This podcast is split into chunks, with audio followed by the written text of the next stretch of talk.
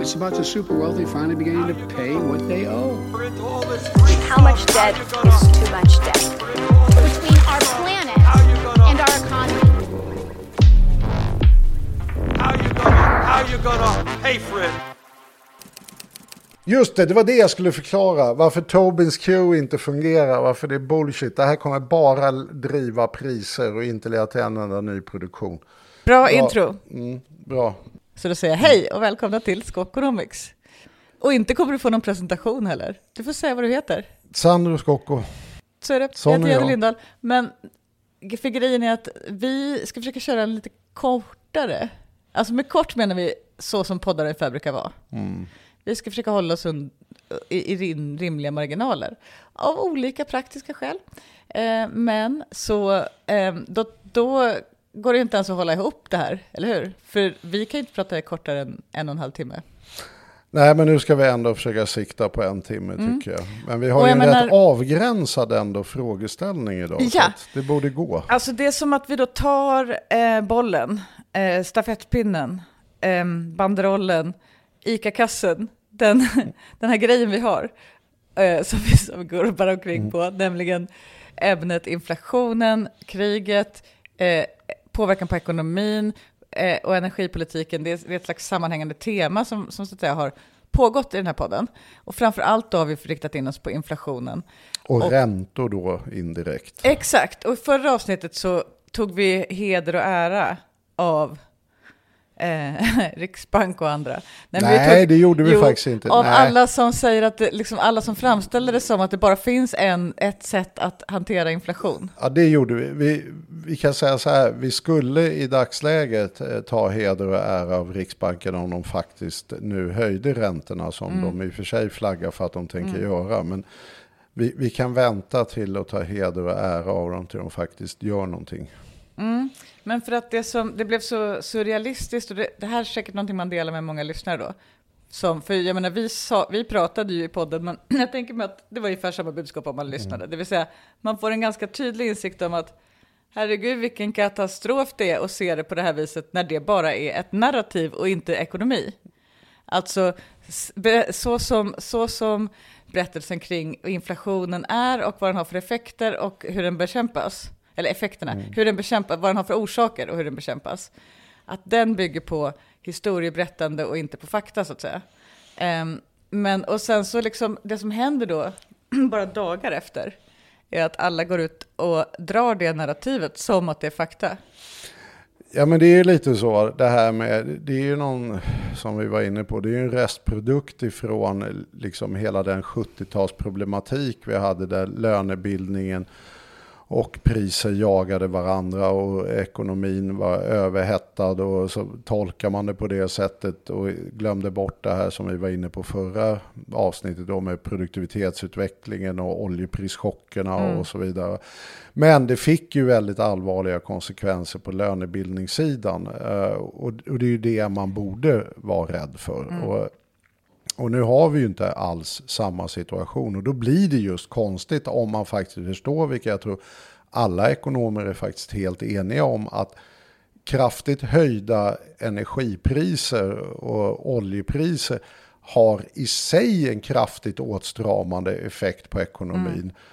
Och höjda räntor har också det. Och höjda räntor har också. Och då, Och orsaken till inflationen är inte lönerna. Nej, utan det är just bara någonting som redan har en åtstramande effekt. Och då lägga lök på laxen och strama åt en, ekonomin ännu mer med liksom räntehöjningar när man har noll kontroll över det som faktiskt ökar i pris. Det vill säga att vad Riksbanken gör har ingen som helst effekt på de internationella energipriserna. Va? Så att de är så kallat externt givna. Va? Det är liksom inte, det är inte vår grej. Va? Utan det Riksbanken kan göra det är att just kyla av ekonomin och åtstrama den därför att man tycker lönebildningen genererar för mycket inflation. Va? Men det, det har ju absolut ingenting med dagens verklighet att göra. Så det var grunden vi stod på, kan man säga. Det var grunden vi stod på. Och, Och, eh, står i det, på. Och står på. Och i det så ligger det då spekulationer nu. Om man liksom slår på, ny, i Nyhetsmorgon i morse så var det så här. Men när kommer boräntorna höjas och hur mycket? Och ska man binda? Alltså det, det här är vad alla är besatta av nu. Därför att det gör en skillnad på kanske 30 000 om året eller något. Eh, liksom vad, vad som kommer hända nu framöver. Och det är en, det är liksom en väsentlig levnadsomkostnadsskillnad. Men då adderar regeringen på det här. Som om det är 1997, höll jag på att säga. Alltså, det, är liksom så här, det kommer ur en annan diskussion som har varit kring, som handlar om de höga spärrarna för unga att ta sig in på bostadsmarknaden. Som ju liksom kan lösas med dels hyresrätter och dels kanske special, inte vet jag. Men då kommer regeringen nu med ett förslag om specialregler för att kunna ta sig in på bostadsmarknaden. Där man ska kunna låna 95 procent av bolånet. Här fick jag, liksom, det är inte ofta jag får liksom ångest över hur det ska gå med Sveriges ekonomi. Men nu fick jag det. Ja, men det, det, är ju, det är ju det här med de så kallade trösklarna. Att, återigen så är det lite märkligt hur liksom, verkligheten plötsligt helt separerar sig ifrån lösningarna. Därför att jag tror egentligen att det finns ett enormt konsensus kring problembeskrivningen kring arbets eller bostadsmarknaden. Och det är nämligen det att det är låg och medelinkomsttagare som har jättesvårt att få tag på ett lämpligt boende. Det är typ alla överens om. Mm. Och sen lägger man såna här riktigt ordentliga goddag yxskaftsförslag i relation till det. Va? Som jag, jag utnämnde ju no, i någon podd tror jag de ohedligaste direktiven någonsin ett regeringskansli har skrivit när det gäller den här med marknadshyrorna. Va? Därför då börjar man med den här konsensusbeskrivningen att det är svårt för studenter och låginkomsttagare och medelinkomsttagare att komma in på bostadsmarknaden. Sen helt orelaterat och utan förklara på något som helst sätt hur det skulle underlätta för de här grupperna så kom därför ska vi införa marknadshyror för nyproduktion. Och man var så här, Och jag sitter där och hänger inte med. fick Men vi vänta, ihop det här? Jag sitter så här, men vänta, nyss var det ju för att vi genom att inte ha handikapptoaletter. Ja, jo. Ja, men det, det, det är verkligen så här, vi, vi har någon gemensam verklighetsbeskrivning och det, det, det som jag var inne på, alla ekonomer är ju helt medvetna om att eh, liksom, oljepris, ett kraftigt höjt oljepris har en åtstramande effekt på ekonomin. Alla ekonomer är överens om att vi inte har några problem vet du, nu med lönebildning och så. Men sen kommer lösningarna, kommer liksom ifrån vad, vad, vad du kanske då som kommunikatör skulle kalla ett narrativ som på något sätt alla bara är så här, ja men det där verkar väl vettigt utav Ja, vi, oklara det, finns ju, anledningar. det finns ju berättelser, delar i berättelsen som vi är överens om allihopa. Nästan, Ja. alltså, problembeskrivningen i sak, inte i orsak. Jo, och här är liksom lite, nu, nu kommer återigen ett sånt underbart eh, förslag. Så om vi går tillbaka till det vi alla vet, det vill säga att problemet på den svenska bostadsmarknaden är att låg och medelinkomsttagare inte hittar bostäder. Fine, vad gör vi då? Jo, vi gör ett ungbolån, är nu det regeringen då har lanserat. Fast är det unga? Jag trodde det var de som inte fanns på marknaden än.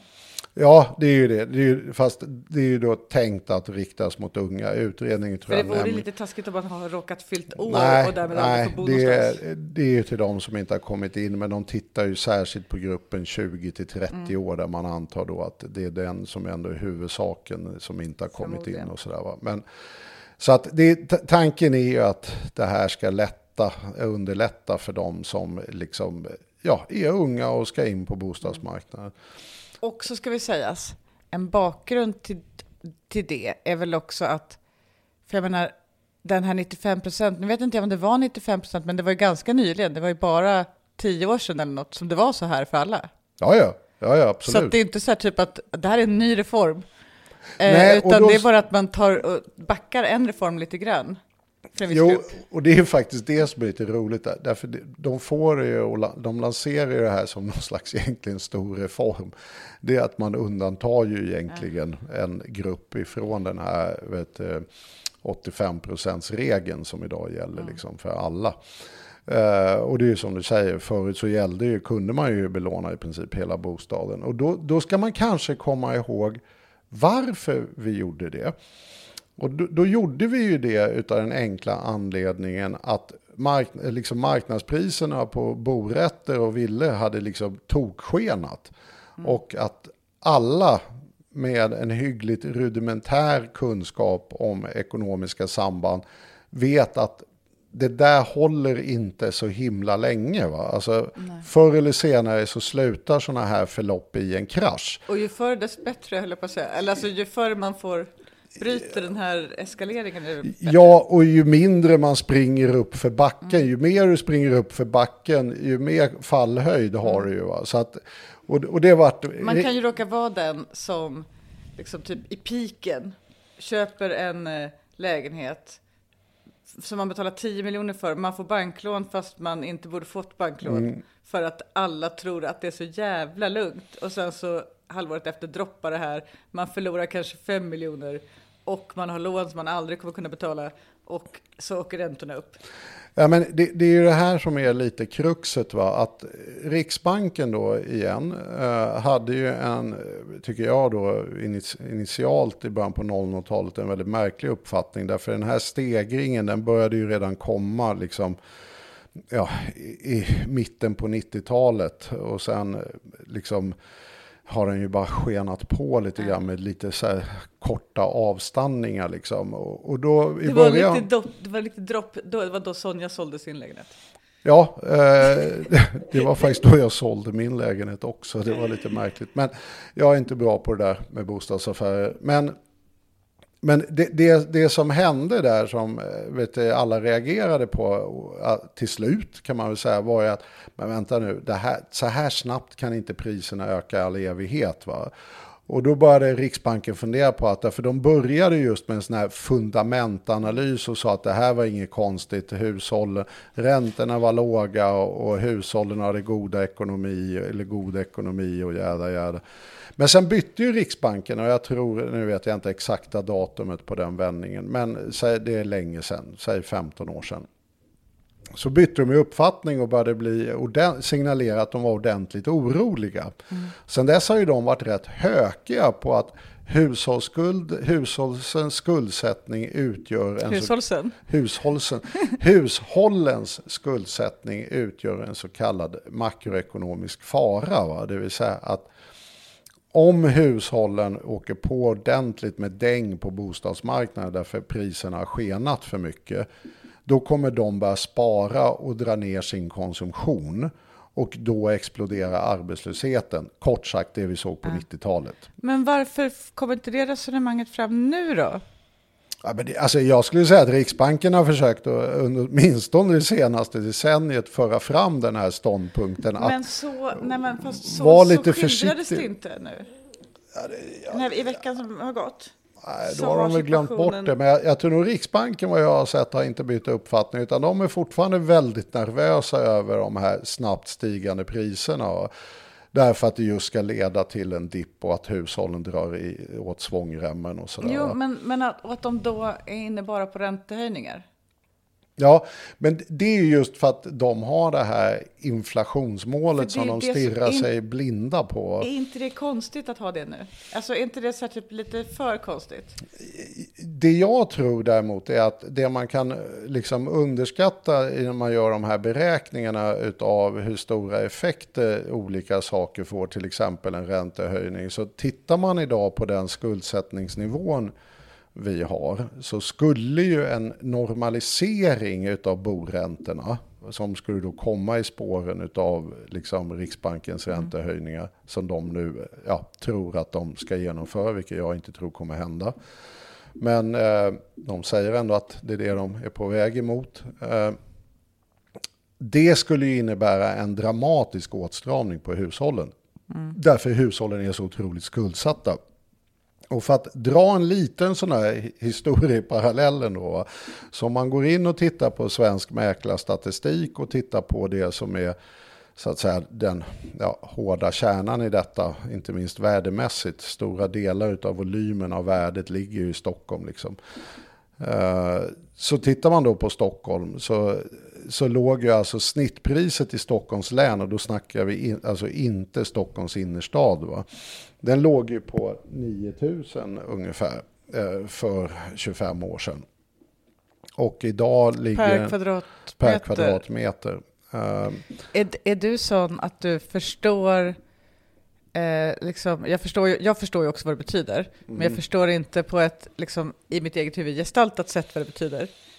Alltså jag kan inte men- omsätta det till en typ av lägenhet. Och, Låt oss, nej, men låt oss då tänka oss att vi, vi skruvar upp det priset som gällde för tio år sedan lite grann och säger att det istället var 10 000. för det är mycket lättare att räkna på. Ja, utav den anledningen och det spelar inte så jättestor roll. Eh, kostar det 10 000 kvadratmetern, då får du ju helt enkelt en lägenhet som är 50 kvadrat. Då får du den för 50 gånger 10 000 kronor. En halv miljon. Ja, det Vad är, det, billigt. ja, det, det är billigt. Det är svinbilligt Det är- jämfört med nu. Man tyckte ju inte det för 25 år sedan, men Nej. nu, nu tycker man ju att det är vansinnigt billigt. Va? Nu skulle det vara jättemysko om man skulle leta fel och ruttna brädor. Ja, det, ja, det skulle vara jättemysko. Därför genomsnittspriset i länet då, alltså Stockholms län, är ju nu 65 000 kronor. Det är jättestor skillnad. Det är jättestor skillnad. Det är alltså, priset har alltså stigit med liksom faktor 6 i länet. Va? Och, det- och det, är ju, det är ju rätt dramatiskt får man ändå säga. Va? Och tittar vi nu i Stockholms innerstad på senaste statistiken så låg den ju på någonstans ja, 114-115 000 och den har gått upp på årsbasis över 10 procent. Så att det, det, är ju, det är ju så, vi har ju haft under en väldigt lång tid snabbt stigande priser och då måste man ändå ge Riksbanken cred för det tycker jag. Att de har ändå försökt att vifta med flaggorna så mycket de kan. Att in the long run är det här nog inte en jättebra idé. Va? Nej, men å andra sidan, om det inte varit, alltså nu låter det väldigt brant. Det, det låter ju brantare än vad det har känts som.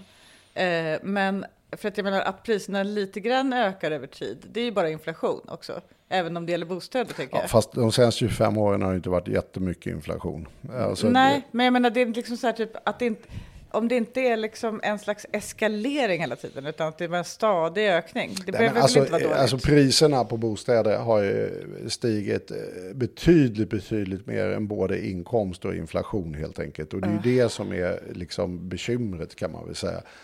Och, och an, liksom, sen har det ju varit sådär lite pauser. Jag menar, se- sen liksom 2017 så hade vi ju en peak 17 och så gick det ju ner lite och sen fick det ju ny fart igen. Och så, och, och det går ju att göra någon vettig analys av det här i någon mening. Det vill säga att jag kommer ihåg när jag själv var i P1 och debatterade finanskrisen och då, då hade ju alla de här liksom, ja, mer traditionella ekonomerna, de var så här, ja men nu går det ner till nollräntor. Och Pratar sen vi så, om häromdagen? Nej, nej, 09. Nej, häromdagen var jag i P1 angående just det vi ska prata om. Ja. Det här ökade bolånemöjligheterna.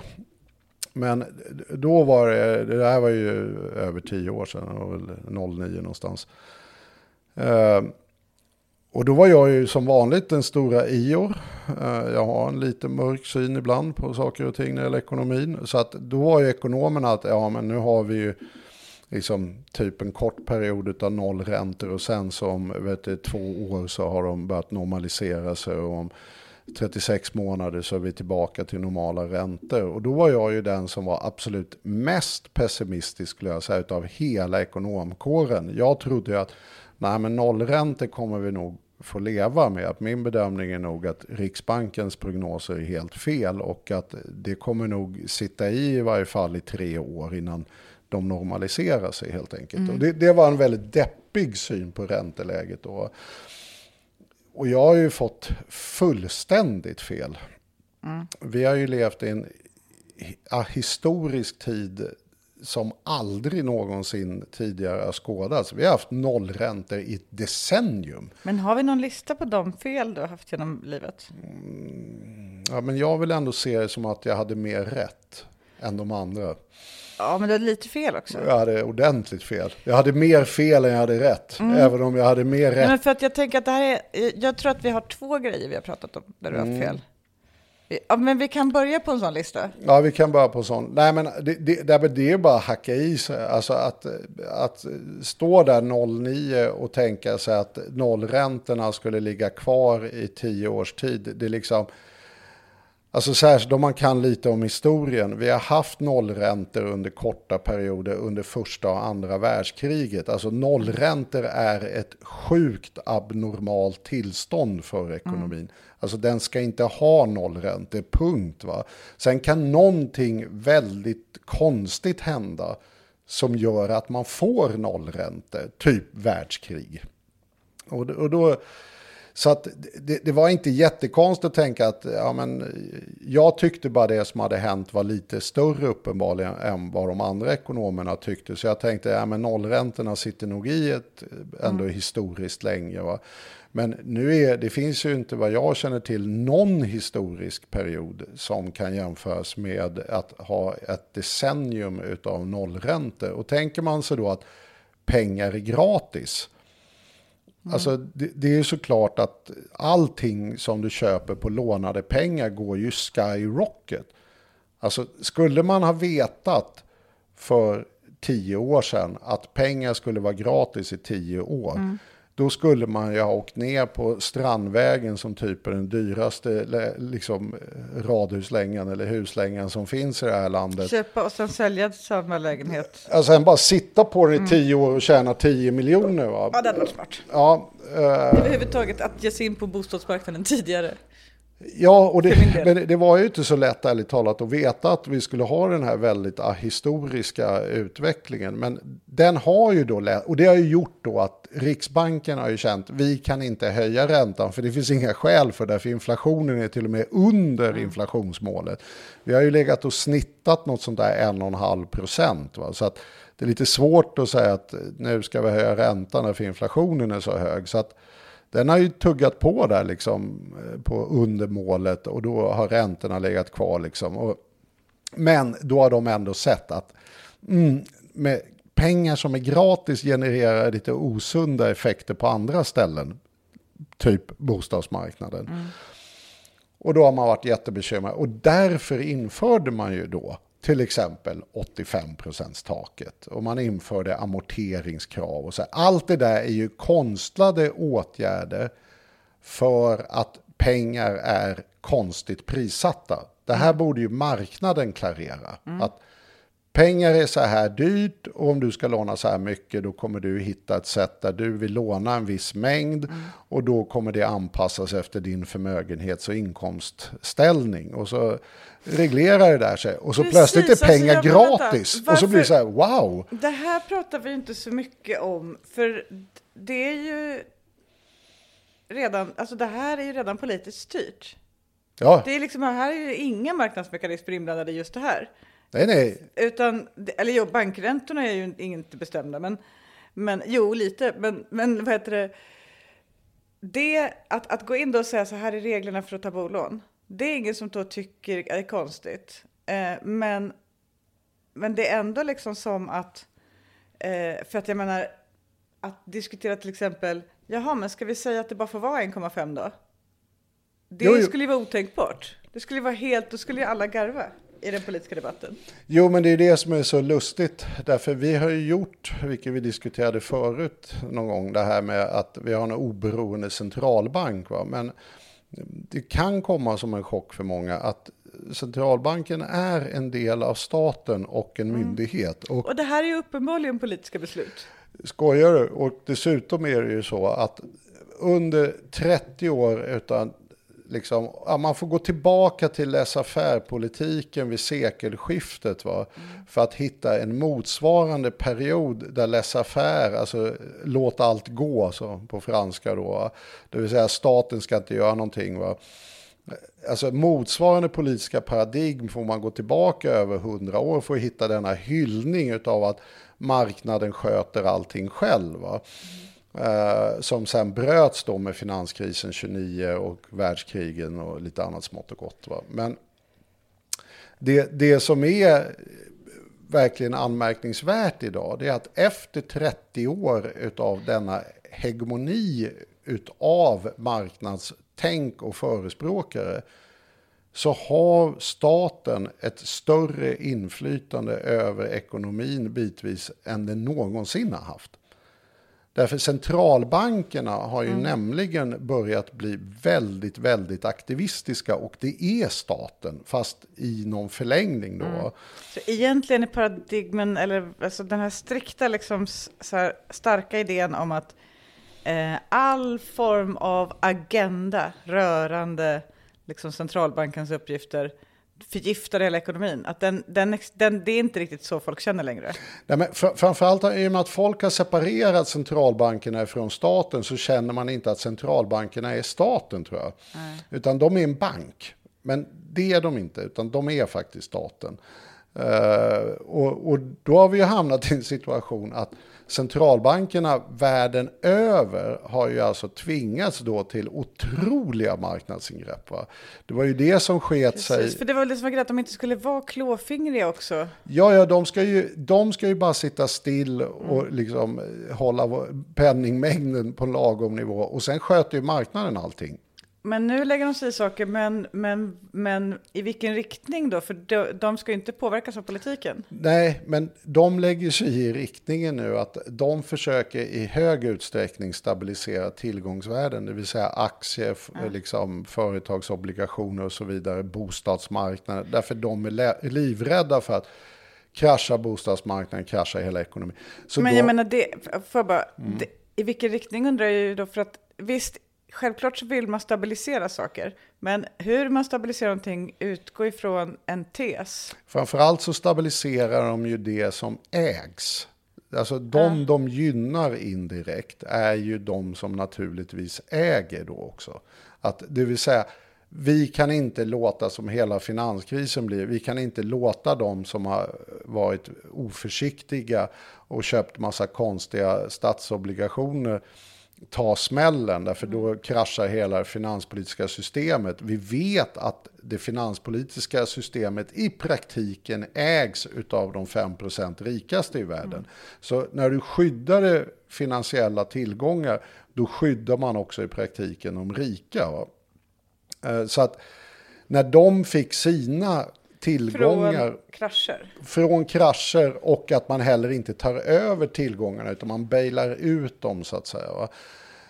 Och det har ju centralbanker gjort en mass. Eh, och det tycker jag man kunde ha gjort på lite annorlunda sätt. Alltså det hade gått att stabilisera att de låtit ägarna ta en betydligt större smäll. Va? Mm. Eh, och det där ser vi ju nu gång på gång. Va? Och, och då blir man ju orolig för alla möjliga fenomen. Så man har ju köpt företagsobligationer, man har liksom köpt generellt värdepapper bitvis eh, och så vidare. Så att alla centralbanker har ju nu så kallade enormt upplåsta balansräkningar. Det vill säga att de äger otroligt mycket. Och det gör ju att den här helt oberoende marknaden som ska klara sig själv skulle centralbankerna ändra sitt beteende så skulle de här marknaderna krascha. Mm. Och det är ju det man nu spekulerar i till exempel oftast när man ser så här börsen går upp och ner. Då är det någon sån här Federal Reserve eh, har intagit en något mer hökaktig hållning i räntan och så plötsligt bara skakar alla de här tillgångsvärdena. Mm. Vilket är, det är staten. Mm. Alltså, staten har sina fingrar idag djupt nere i alla de här tillgångsmarknaderna. Och kan i princip, eh, om de vill ta de besluten, se till att det går väldigt snabbt illa helt enkelt. Men då kan man alltså sammanfatta resultatet av paradigmskiftet som genomfördes från 80-90-talet och framåt. Så här, att först hade staten ett stort inflytande över saker därför att det fanns en politisk vilja att fixa grejer som inte löstes av sig själv i samhället. Sen kom en ja, men problem, vi pratade ju om oljekrisen och mm. alltihopa, mm. men sen kommer en ny doktrin som säger att nej, det där är inte så bra därför att eh, när politiker sköter grejer då blir de inte så, så bra, utan vi måste låta marknadskrafterna och företagarna göra det här. Så nu måste politiken sluta lösa alla de här grejerna. Mm. Så kan man säga. Okej, säger vi, då gör vi så då. Och nu kommer vi tillbaka, men nu är vi tillbaka, i alltså, nu lägger sig politiken i, men inte någonting som folk bryr sig om. Eller har behov av att få löst. Utan saker som bara politiken, eh, vad ska säga, politikens centrala institutioner här i det här fallet. Tycker det är viktigt att hålla på med. Ja, och framförallt de, de stora finansiella marknaderna som vi alla är beroende av har ju inte alls blivit de här oberoende marknaderna, utan 30 mm. års marknads fundamentalism har lett till att de här marknaderna är mer beroende av statliga beslut än de någonsin tidigare har varit. Eller statliga, alltså mm. offentliga, det vill säga centralbanksbeslut. Det är på något vis det sämsta av de två doktrinerna här. Framförallt är det ju liksom eh, en, en, politik som har liksom flyttat ifrån att lösa människors vardagsproblem till att lösa finansiella sektorns problem via en oberoende centralbank som agerar i politikernas ställe. Va? Ja. Och jag, jag tror inte det i grunden är en jättesmart konstruktion. Det är i alla fall inte inspirerande. Det är inte inspirerande. Det, det är liksom alstrar inte engagemang och förståelse för demokratin. Nej, och det, det, det, som jag tror är liksom, det ytterligare problemet är ju det att finansiella sektorn är ju så viktig och betydelsefull eh, att den skapar ju i sig en massa effekter i den så kallade reala ekonomin. Till exempel den här explosionen av bopriser. Mm. Alltså det är helt omöjligt att förklara den här explosionen av bopriser med så kallade traditionella utbud och efterfrågesamband. Va? Alltså Stockholm har haft bostadsbrist mer eller mindre sedan 1920. Va? Och sen har den gått upp och ner lite, men att få ihop den här kurvan på bostadsbrist, alltså det, det kommer bli jätteknepigt. Men däremot så förklaras den ju väldigt väl skulle jag säga utav tillgång och priset på pengar. Mm. Och det vi gjorde var helt enkelt att vi kraftigt ökade tillgången till att få låna pengar och sen satte vi priset på noll. Och då är det inte jättekonstigt, alltså en extremt god tillgång och priset är noll. Då är lite ärligt talat sky is the limit för mm. bostadspriserna. Men det bygger ju just på att priset är noll. Mm. Eh, men kruxet då idag är ju att om priset har varit noll i tio års tid och tillgången god, även om då sista, vad det nu är, ja, decenniet knappt, har man försökt att dämpa det på konstgjord väg med liksom amorteringskrav och bolånetak och lite olika sådana här abrovinker så har ju hushållen uppenbarligen inte brytt sig om det. De har ju hittat sätt att runda det där och låna på sig ännu mer pengar och trissa upp priserna ännu mer. Eh, och, och då är ju så att säga, fan, vad gör vi åt det här? Därför nu ska vi ju få in de här låg och medelinkomsttagarna som är ju tokutstängda från den här typen av kreditmarknad. Därför de har helt enkelt inte vare sig insatser eller någonting annat. Va? Alltså alla går ju inte runt med en miljon i bakfickan och säger wow nu stoppar jag den här insatsen. Och sen ska du dessutom klara då den kreditprövningen som kräver rätt höga så att säga inkomster beräkningstekniskt. Det här som mm. kvar att leva på beräkningarna som bankerna gör. Och det gör ju det att som låg och medelinkomsttagare så du behöver inte göra besvär och glida in på bankerna. Därför du kommer inte komma i fråga för att få vara med och leka på den här marknaden. Nej, taskigt. Ja, men tyvärr är det ju lite så. Ja, om man inte bor i glesbygd, då, då kan ju möjligtvis priserna vara så låga. Men... De där, jag har inte någon statistik, men de ser väldigt låga ut tycker jag. Nej, men det är en extrem variation, ja. alltså över landet. Alltså... Att, eftersom jag är lite av en prepper, ja. och eftersom det är krig, då sitter jag och kollar lite på lämpliga fastigheter mm. man borde köpa i Dalarna eller så. Jag är chockad dagligen över vad jag kan få för, några, eh, för ett par hundratusen. Liksom. Ja, fast det, det är lite så det är. Va? Alltså, finns det ingen arbetsmarknad runt omkring så kommer fastighetspriserna inte att vara särskilt höga. Uh, så att, uh, och, men däremot så ser vi ju det i, i alla småstäder och som är ännu livaktiga och vet, uh, storstäder så har det ju haft en enorm prisökning. Så det, det är ju inte alls så att det är ett Stockholmsfenomen den här prisökningen. Men däremot så är det ju fortfarande stora nivåskillnader mellan till exempel Umeå, Stockholm, Göteborg och Malmö ja. eller Sundsvall. Liksom. Men alla har ju haft en väldigt, så att säga, alla som har ägt sin bostad har ju haft en eh, trevlig resa och sen värdet på bostaden. Liksom. Men som sagt var då, pengar är gratis. Va? Problemet blir ju naturligtvis när folk har prisat in sig i pengar är gratis och, man, och pengar inte längre är gratis. Och det är ju det alla diskuterar nu som du var inne på. Mm. Att nu höjs boräntorna och ska, är på väg mot någon normalisering. Jag såg senast idag en tidningsuppgift om 3 procent inom kort tid och så vidare. Det är dubbelt så mycket som nu.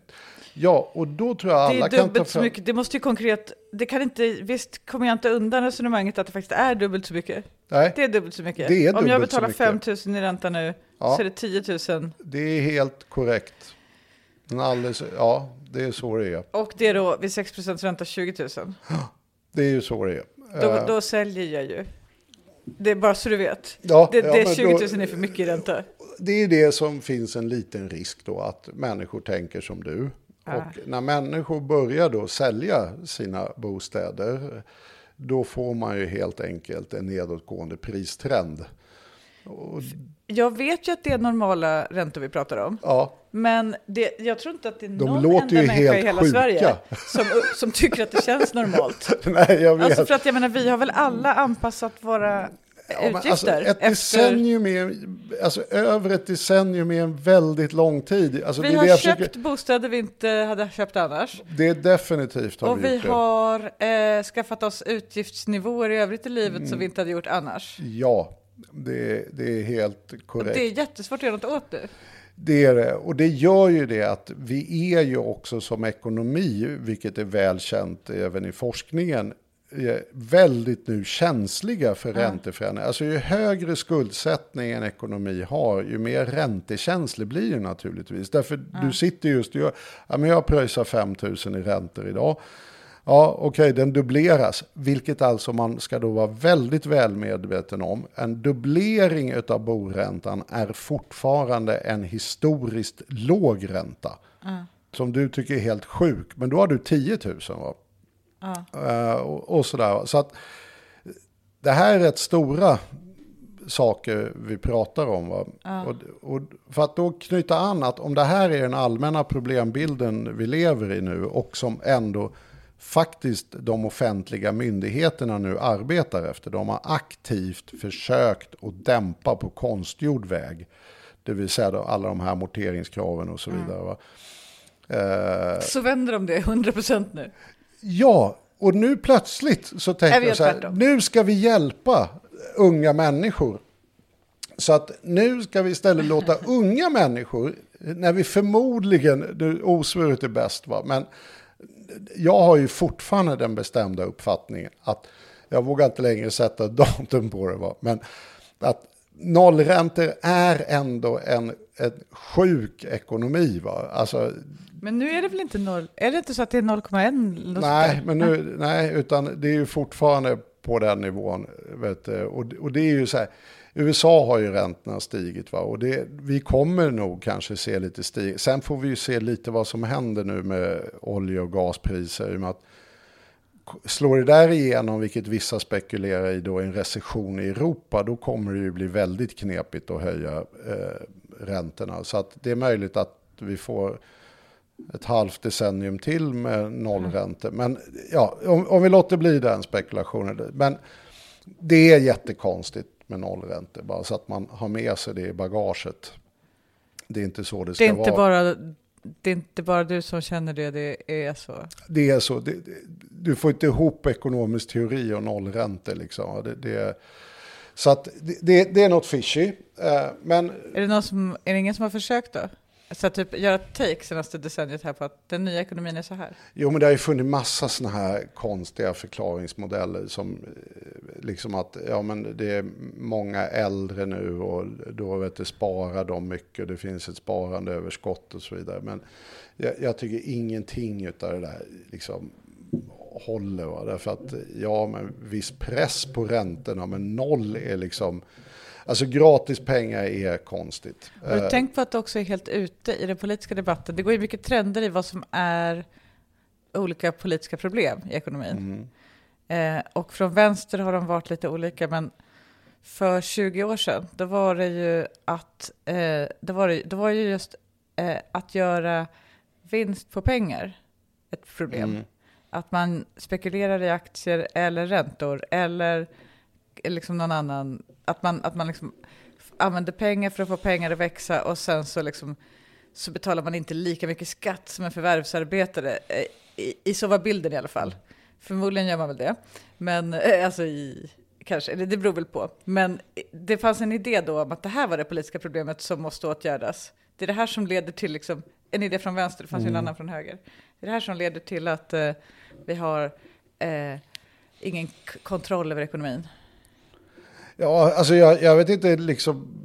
Det är ingen som säger nu alls något, i den, något som helst i närheten av den riktningen. Att vi ska få stopp på att folk gör vinst på pengar. Ja, men det fanns väl en liten sån rush just kring 09 när hela finansiella sektorn i praktiken gick i konkurs och just räddades av centralbankerna. Alltså då, då var ju ändå folk lite sura på finansiella sektorn. Men i och med att hushållen inte har varit tvungna att bära upp den där kostnaden annat än i de flera, eller många andra länder genom fallande priser och lite så här konkurser och annat. Men de, de upplevde ju inte den typen av, eh, framförallt i Sverige, eh, realräntechock som man gjorde i början på 90-talet och som knäckte ekonomin helt. Så har, folk har inte varit, inte minst i Sverige, så upprörda därför att ja, ja, saker kommer och går. Va? Finanskrisen gick ju faktiskt relativt smärtfritt för Sverige. Vi lyckades ju till och med höja fastighetspriserna när alla andra tyckte att huset brann. Så vi sa, äh, det är lugnt.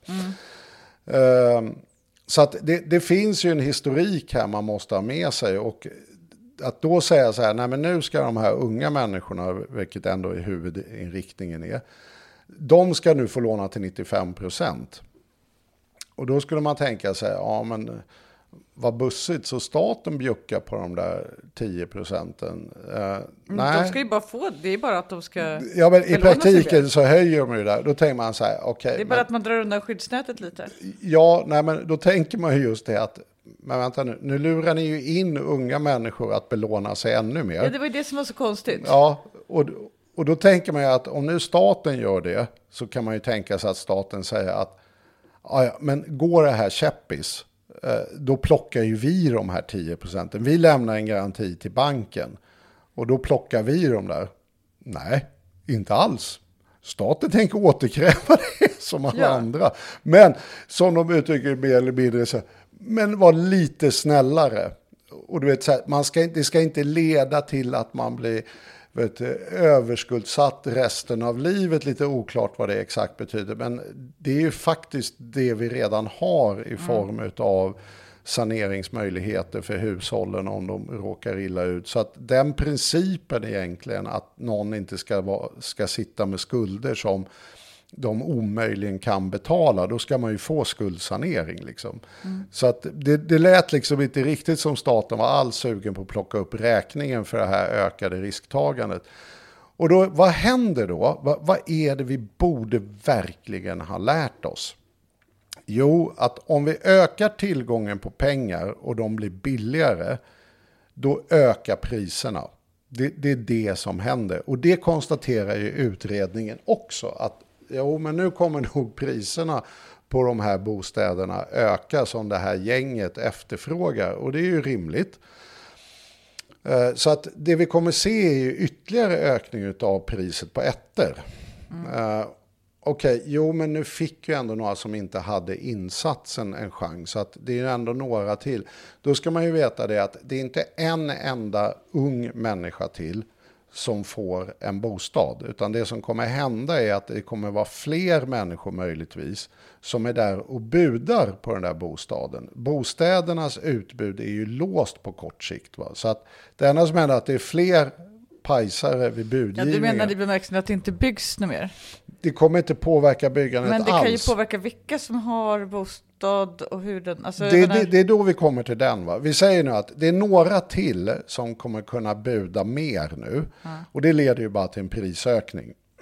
och då kommer man till nästa puck. Och det är ju så här, okej men den här prisökningen, vilket också utredningen kommer fram till, att det ökar ju utbudet, jag tror de vilket är typ världshistoriens största hittepåsiffra. 5 000 fler lägenheter. Va?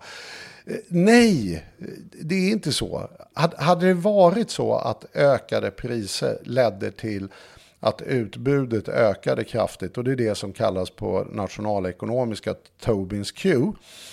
Eh, att det, det är så att säga, det blir dyrare att köpa och då blir det ju relativt sett billigare att bygga. Och då bygger man mer för, och då när man bygger mer så pressar man ner priset igen. Det är så marknaden är tänkt att och så jobba. slutar man bygga. Ja, och då slutar man att bygga när åter, liksom, anskaffningsvärdet är samma som priset. Liksom. Du inte kan göra vinst på att bygga nytt längre. Va?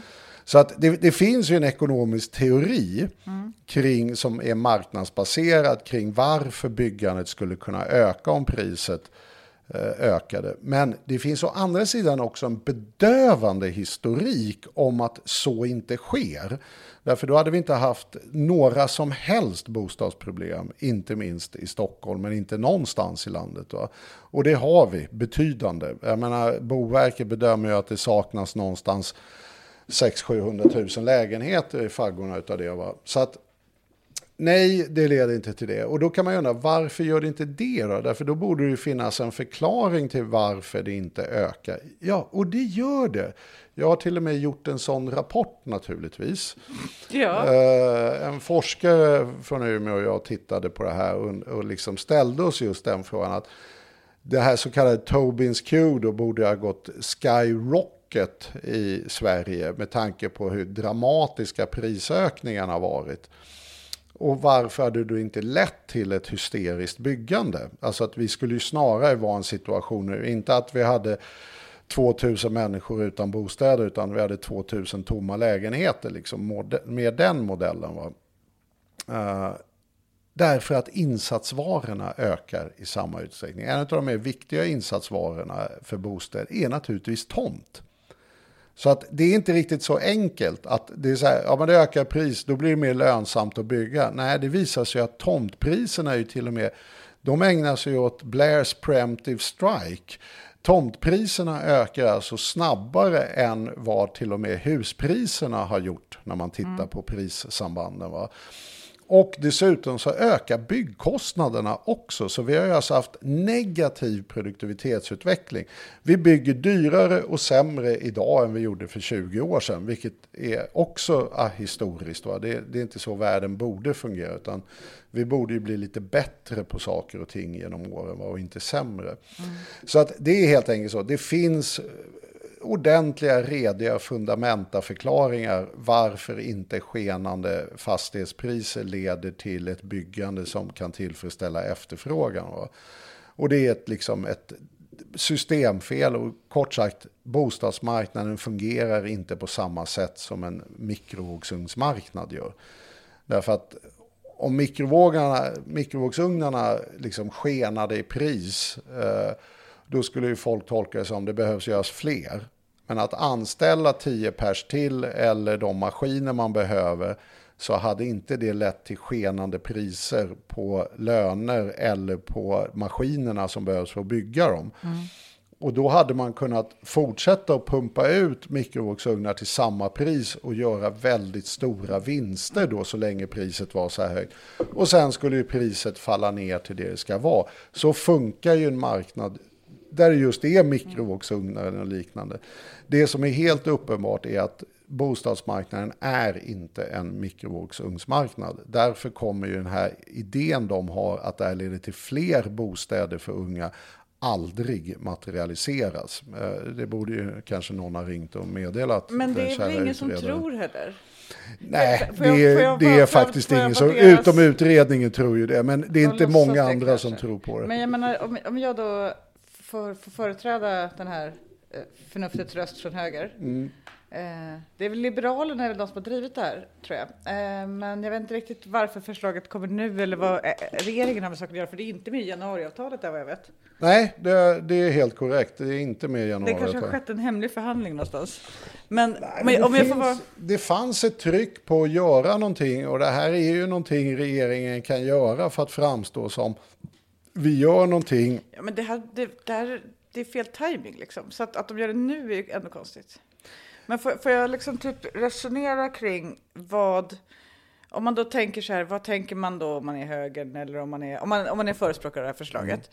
För då, är det inte, då skulle man inte känna igen sig i verklighetsbeskrivningen att eh, jag inbillar mig att det kommer byggas massa.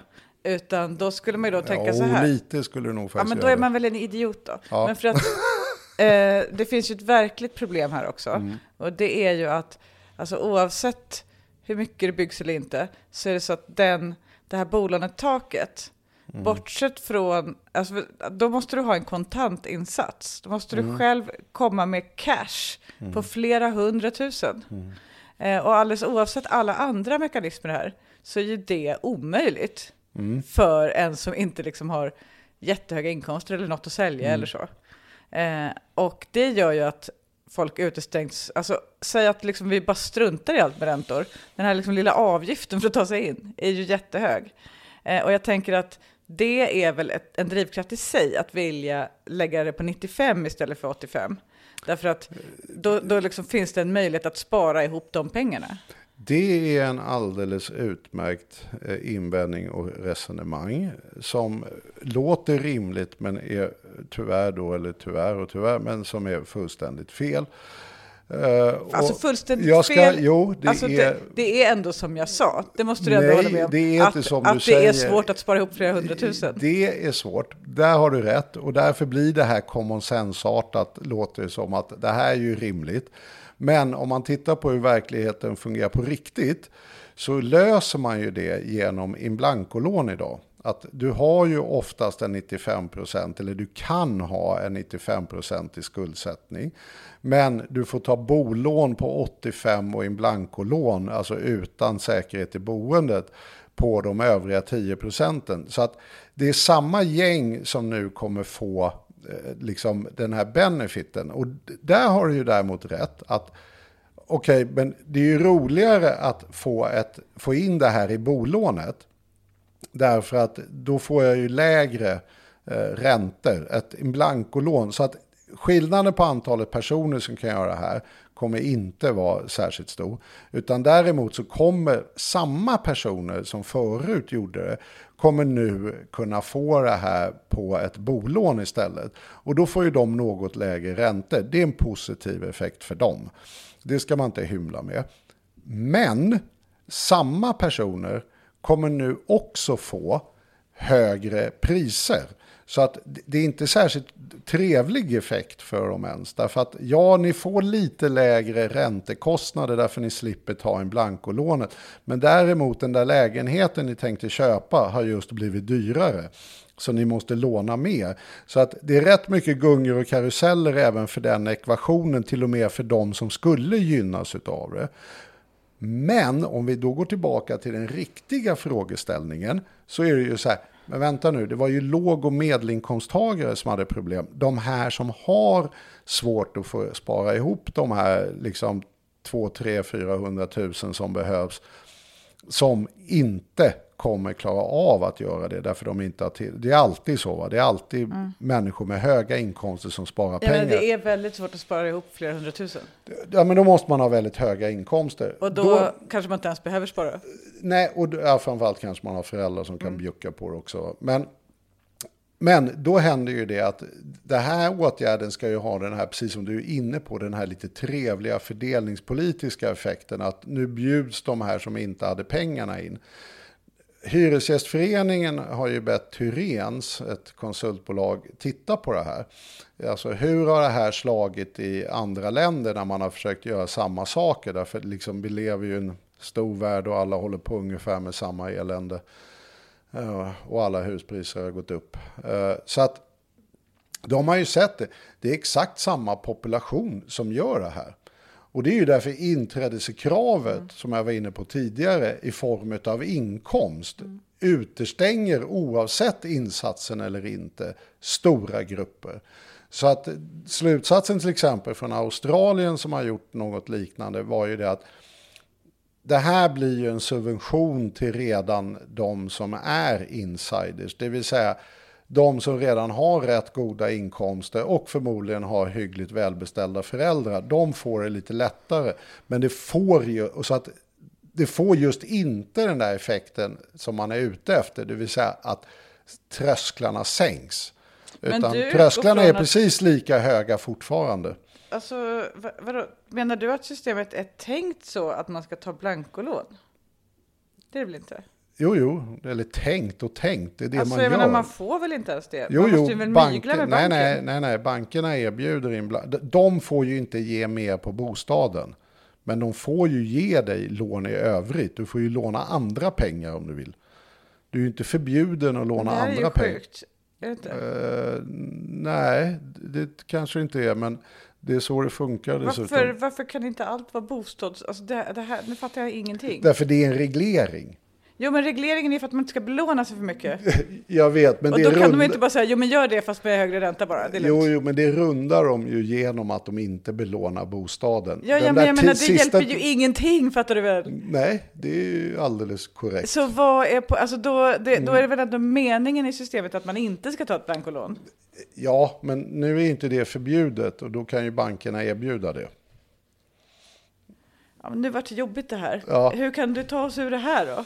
Nej, För men jag- alltså det, men kort sagt så är det så här. Det, det här kommer framför allt att hjälpa en grupp unga och inte ens de så här jättemycket, men en del. Och det är ju nämligen det att de unga som redan har köpt en bostadsrätt, de kommer se sina priser stiga något nu. Eh, och, så, och det är ju kul för de Kul för unga dem. som just klev in. För det övriga gänget så blev inte livet så himla mycket bättre och jag tror inte att det var det vi strävade efter att ytterligare slänga på lite bränsle eh, på den här brasan av priser som skenar på bostadsmarknaden. Sen kanske jag tycker att även till och med P1s eh, journalisten han frågade, jag var ju i debatt med en liberal som tyckte det här var lysande i P1. Eh, han sa, men är inte det här, liksom, alla fattar ju att priserna redan är liksom överhettade. Är inte det här typ att slänga napalm på en brand?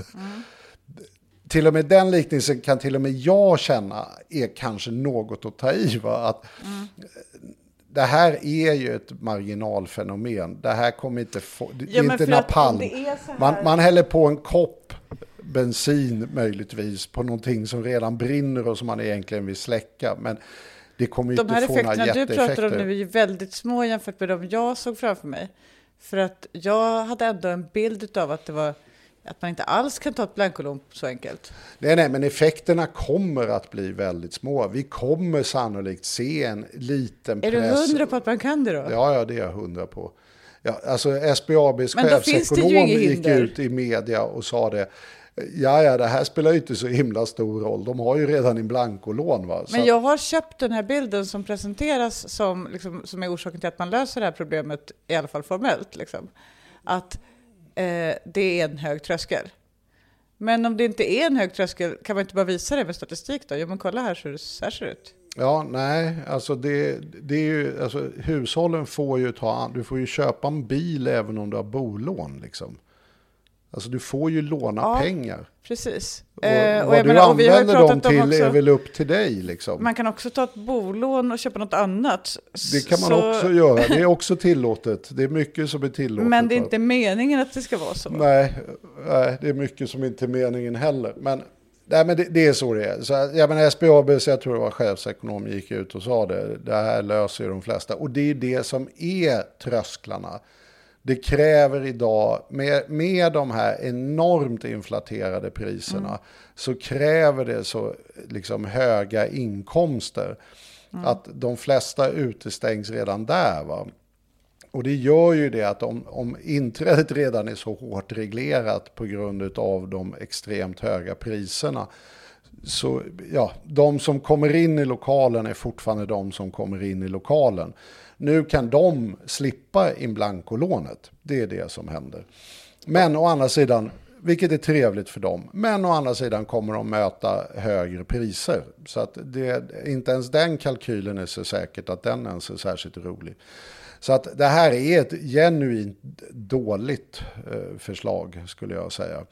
Och dessutom hela föreställningen om att eh, Eh, jag menar i Stockholm nu till och med i vet du, förort så kan priserna gå upp mot 70-80 000 kvadraten. Va?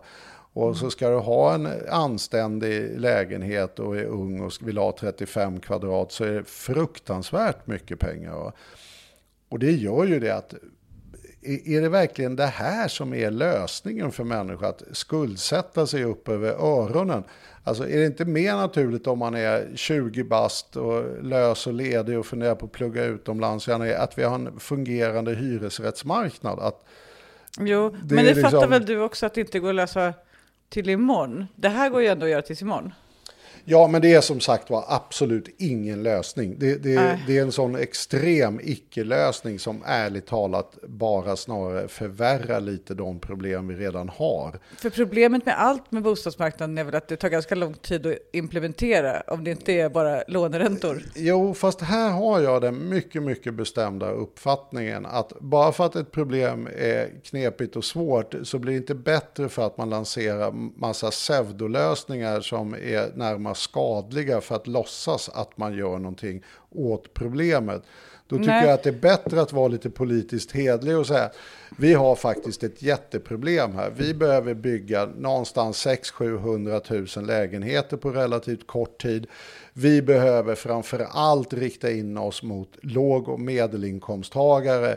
Låt oss nu kavla upp ärmarna och se till att hitta lösningar på det. Därför det är det politiska problem vi har som alla är överens om. Detta det skulle jag tycka jag, var, där snackar vi drömvärld. Det tycker jag regeringen kan ta åt sig av. Mm. Men det finns ju ett grundproblem också att lösningarna är politiskt betingade. Alltså det vill säga att det finns en ideologisk skillnad där och att man drar åt olika håll. Och att vi växlar majoriteter. Att det är svårt ändå. Det, är inte, liksom, det finns väl lite förklaringar till att det varit svårt att bedriva en långsiktig bostadspolitik. Ja, men här finns det ju enorma eh, politiska skiljelinjer så att det ska man ju inte hylla med. Vi, vi, bestämmer ju liksom lite vad vi vill leva för liv på valdagen. Va? Och... En del vill att politiker ska fatta beslut om att bygga hyresrätter, typ. Andra vill att eh, alla hyresrätter ska omvandlas till bostadsrätter. Ja, men det finns en väldigt välgrundad politisk liksom, föreställningsvärld som säger att människor som äger sitt boende är mer liksom, lutade åt höger och att man blir påverkad av att äga sitt boende. Precis. Åt borgerligt håll. Det som Uje Brandelius kallade för den moderata tomteverkstan som Stockholm hade förvandlats till. Ja, och det, det är ju liksom... Så att det, och den där föreställningsvärlden är ju djupt förankrad tror jag i borgerligheten. Att man, man har en strävan efter att en så stor andel som möjligt av befolkningen ska äga sitt boende därför att det gynnar dem rent politiskt. Uh, och socialdemokratin och vänstern och vänsterpartiet och liksom, ja, Miljöpartiet har faktiskt ingen aning om vad de tycker om jag ska vara helt ärlig. Men, men traditionella vänstern världen över har ju varit mer benägen att fokusera på att lösa människors bostadsproblem och därmed oftast låg och medelinkomsttagare och därför siktat in sig på pri, liksom överkomligt prissatta hyresrätter där har du ju liksom en ideologisk konflikt. Hur vill vi att samhället ska se ut? Liksom? Och därav också det som vi organiserade tidigare i form av allmännyttan mm. som inte hade vinstintresse, drevs efter självkostnadsprincipen, jäda, jäda, jäda. Det var ju en organisering utifrån en politisk föreställning. Och då får man ju hacka i så att högergänget har ju liksom en annan politisk föreställning. Mm. Uh, och den har vunnit, får man nog säga, väldigt mycket mark. Uh, det som har hänt är ju att vi har ju sålt och ombildat alltså fruktansvärt mycket av allmännyttan. Det är ju liksom en sån här possession is nine tenths of the law situation. Mm. Alltså det här är ju inte opinionsbildning, det här är ju att sälja saker. Alltså typ det är en fysisk transaktion Mm. som sker och förändrar verkligheten lite grann. Och som har skett i storskaligt ända sedan 90-talet. Ja, det. Eh, vilket ju liksom, ja vad ska man säga det? Mot det? Då säger jag, mot det presenterar jag härmed min åsikt. Alltså det är, det, det är svårt att stoppa den typen av Nej, men vi har ju en sån trend. Alltså, vi har ju ombildat fler bostäder, hyresrätter, än vi har byggt. Så andelen ägandet, alltså Visst. högern har ju i den meningen vunnit det här slaget i att deras idé om ju, ju mer ägande ju bättre har ju vunnit väldigt mycket de senaste 30 Och åren. jag gissar att de inte pallar att dra fram marknadshyrorna en gång till. Eh, gärna, men eh, jag gissar det. Och då i så fall så har kanske den ideologiska så här, typ, momentumet tagit slut för högern då. Nej, jag- skulle nog tro att de gör det, men de kanske passar sig ett tag. Va? Därför att De den har ju en otroligt positiv... det är ju nästa sak. Jo, jo, men de har ju en otroligt positiv effekt, nämligen på båda de faktorer de är ute efter. Därför i, till exempel om man tittar i Belgien och som har marknadshyror, då blir ju hyresformen blir ju en, i praktiken en temporär boendeform utom för de som har subventionerade, det vill säga social housing. Och då får man också per automatik en ökad andel ägande. Att de som har någon sån här liksom stark ekonomi, de kommer aldrig ens överväga en hyresrätt. Och i Sverige har vi ju haft precis rakt motsatt uppfattning. Att hyresformen ska vara en boendeform för alla och oavsett inkomst. Och, och så var det ju tidigare. Jag menar om vi tar Stockholms innerstad igen, eh, kan ju den marknaden hyggligt väl. Då var ju stora delar av Stockholms innerstad hyresrätter där eh, också välbeställda bodde. Så att liksom alla former av människor bodde i hyresrätter och såg det som ett permanent boende. Inte ett sånt där boende, jag ska jobba här i två år, jag hyr en marknadshyra som är vansinnigt hög. Men det spelar ingen roll för den pröjsar bolaget. Eller jag har skilt mig, jag behöver någon mellanstuds ett år innan jag hittar ett nytt ägt boende. Så att säga. Så att det är också den här skillnaden på synen på, är det ett temporärt eller är det ett permanent boende hyresrätten är. Uh, och det är det som är så lustigt det här med att de säger ja men det funkar inte med hyresrätter, titta vad långa köer det är och har vi marknadshyror så gör det.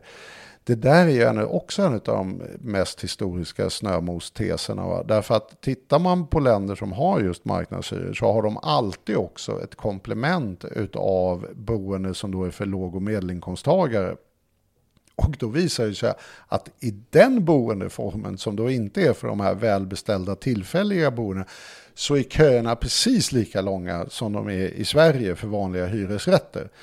Så att du kommer inte undkomma köproblematiken genom att rikta in politiken på att stödja bara låg och medelinkomsttagare. Va? Utan det, och det är det som är kanske ett väldigt svårt Men, appell. Jag, inte, du, du bara, jag försöker liksom Ja. vänta på att du ska avrunda Ja, men nu ett avrundar jag. resonemang Ja, men nu, så att ja, vi men jag kan... känner ändå att jag har uttömt lite min är att nu har vi irritation över passerat detta. timmen och du Mm. ville under timmen. Ja. Och sen så ville du kanske också säga det där som du sa i början.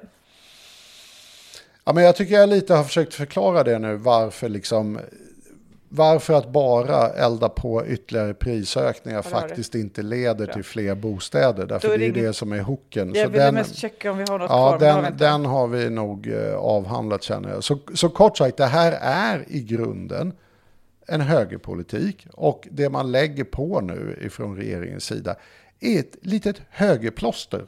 Ett så här slag i luften-modellen som till och med kan vara skadligt men som ger sken av att man gör någonting. Mm. Eh, Jag läste in mig på Miljöpartiets nu också. Jaha, vad bra. Den har jag faktiskt Vet du ingen vad den har för, om jag ska ställa en diagnos, Mm. så lider den av samma problem som Vänsterpartiets ibland gamla, alltså typ, ibland har, vi, ham- har Vänsterpartiet hamnat i den fällan. Och det, det är liksom, man vet vad som är rätt och fel i världen, i riktning. Man vet vad, som liksom, vad, som är, vad, vad moralen kräver. Att alla ska ha att bo till exempel. Man vet att det inte är så. Man har absolut inget att komma med. Så det man gör är att man sätter upp mål. Man säger det ska byggas 150 000 lägenheter under den här tiden. De ska vara klimatsmarta, de ska vara billiga så man har råd att... Så, så, och så säger man det här är mitt politiska program. Och det är jättegulligt. Men det är bara det att det är, alltså det, jag- jag- eftersom Vänsterpartiet har hamnat där många gånger genom åren och jag själv har varit med om att liksom försöka göra kommunikation av det. Det är inte en trovärdig, det är ingen som går på det. Nej, jag tror det är lite av en politisk sjuka faktiskt. Där man vill signalera något väldigt rättrådigt. Och men- något måste man ju säga om man inte har något. Ja, och något måste man ju göra om man är regering och då gör man sådana här dumma åtgärder när man har Men- ett men jag tror inte grundläggande att väljarna- systemfel. Någonsin köper det här. Det här, det här är i och för sig lite av en käpphäst jag haft länge, men, men jag tycker det blir tydligare och tydligare för liksom varje gång man stöter på ett nytt exempel. Funkar aldrig att bara sätta upp mål. Liksom. Nej, nej, nej, nej, men det är, det är ju samma problematik inom klimatpolitiken. Va? Att Ja. det, vi kan ha hur många mål som helst. Väljarna är inte... tillräckligt inlästa för att förstå om det finns ett konkret förslag eller inte och vad det konkreta förslaget är. För Fast den, det, det- det är en sak man har lyckats med från högerns sida eh, som är en enorm framgång faktiskt, eh, får man ändå ge dem. Eh, och det är det att man har lyckats avpolitisera frågan och det är sjukt viktigt ur ett politiskt perspektiv. Att Tittar man på så här, hur folk ratear den politiska betydelsen av bostadspolitiken så ratear ju den aldrig särskilt väl. Va? Eh, och det har gjort att många politiker drar i slutsatsen att du, det är inte en särskilt politiskt intressant fråga att jobba med. Jag har istället tittat på SOM-utredningarnas orosmätningar och då visar det sig att det ligger väldigt högt i människors oro att, över hur de ska lösa sin bostadssituation.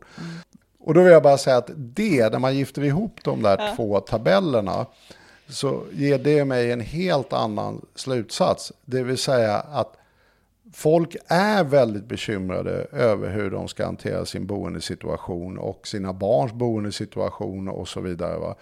Eh, men man ser inte att det är politikens ansvar. Det är en enorm skillnad mot 1967 års debatt där när Tage Erlander ställdes till svars för vad ska ett ungt gift par som vill flytta ihop göra? Och han sa ställ dig i bostadskön och reportrarna konstaterade det tar ju över tio år. Eh, och det blev inget bra för Socialdemokraterna när de eh, svarade så. Och det var ju därför att människor såg det liksom ja, på slutet på 60-talet som ett genuint politiskt problem. Har jag inget boende så är det statens roll att se till att det finns tillräckligt med bostäder och därmed så var det statsministerns fel. Va? Idag tror jag inte att det är särskilt många människor som ser det så. Och, och det tror jag är ett stort problem helt enkelt. Att vi har, högern har lyckats privatisera ett genuint i grunden samhällsproblem. Det här går inte att lösa eh, bristen på bostäder på individnivå. Du kan tillskansa dig själv en bostad. Men saknas det bostäder så kommer några att stå utan bostäder. Det är liksom ett enkelt matematiskt faktum. Va? Så att allokeringen av bostäderna, oavsett om man använder marknadsmekanismen, det vill säga den som pröjsar mest får den, eller om man skulle använda ransonering, att den som behöver den bäst får den. Så så länge det saknas så mycket bostäder som det gör, då kommer ett gäng bli utan. Så att det här går inte att lösa på individnivå. Det här måste samhället gå in och ta ett ansvar för att vi faktiskt har bostäder så att det räcker till alla medborgare. Men det perspektivet tror jag liksom inte är det rådande för tillfället. Och det är därför det inte blir tillräckligt tryck i bostadsfrågan. Hur tycker du att vi ska lösa det här med att säga hej då? För att eh, förra gången så var det jättekonstigt för då sa vi plötsligt bara hej då och så drog vi.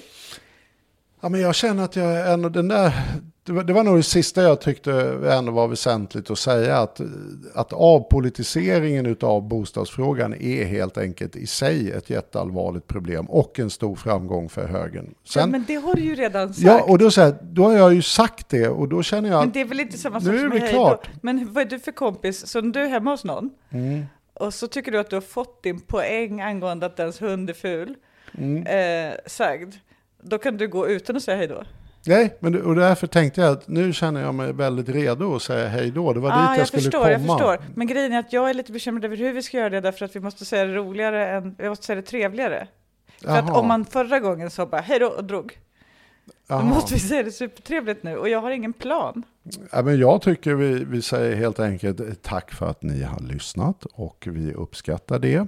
Och vi hoppas naturligtvis att ni vill lyssna på vårt nästa avsnitt och vi önskar er tills dess en mycket trevlig tillvaro. Jag gillar när du gör den där rösten. Jag tycker, jag tycker den kan vi jobba vidare med på något sätt. Ehm, ja. Tack eh, så mycket för den fina avslutningen Sandro. Nu tror jag alla känner sig väl omhändertagna.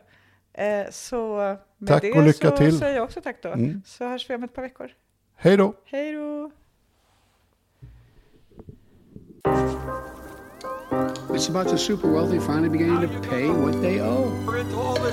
How much debt is too much debt? Between our planet and our economy. How you gonna pay for it?